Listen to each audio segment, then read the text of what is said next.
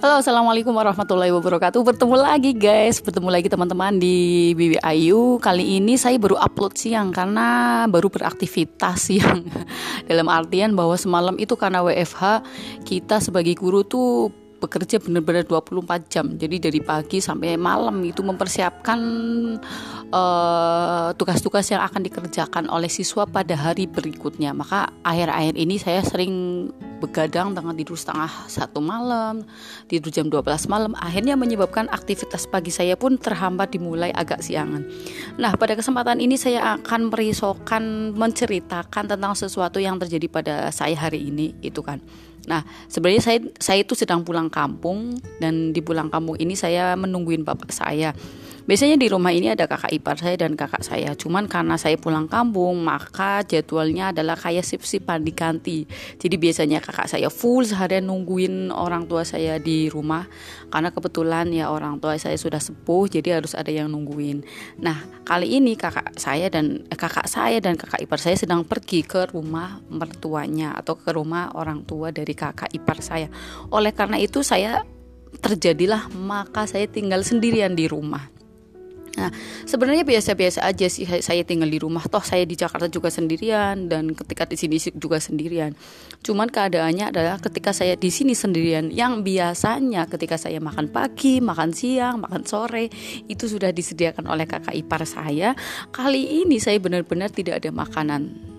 It's tunggu dulu, jangan berpikir yang macam-macam. Sebenarnya kakak-kakak saya itu lebih baik-baik banget. Mereka menawarkan setiap makan siang, setiap pagi, setiap sore selalu bilang, "Ayo Wi, ayo main ke rumah aku, kamu makan. Ayo Wi, kamu makan." gitu. Semuanya pada bilang seperti itu. Cuman kendalanya adalah masa ketika saya makan ke rumah mereka, kemudian balik lagi ke rumah mereka, balik lagi.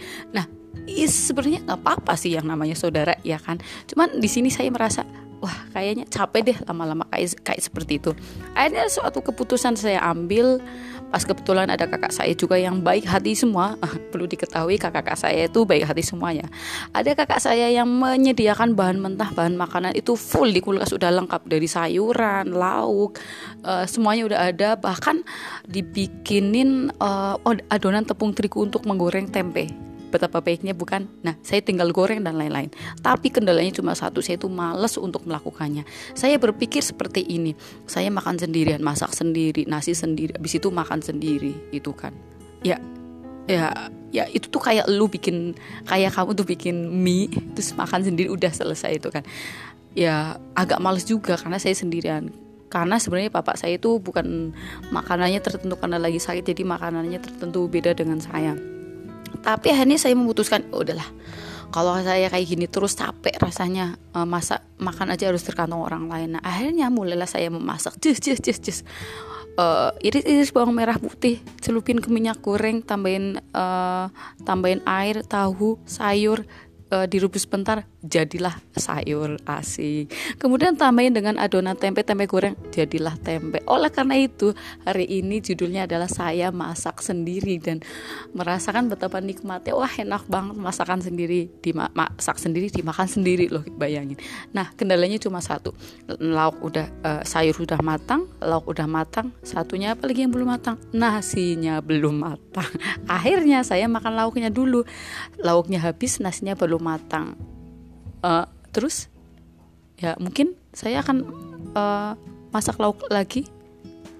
Kemudian sambil nunggu lauk matang saya makan nasi. Nasinya habis. Lauk matang. Masak nasi lagi. Ini gitu seterusnya. Oke okay, bye bye sekian dari saya. Bye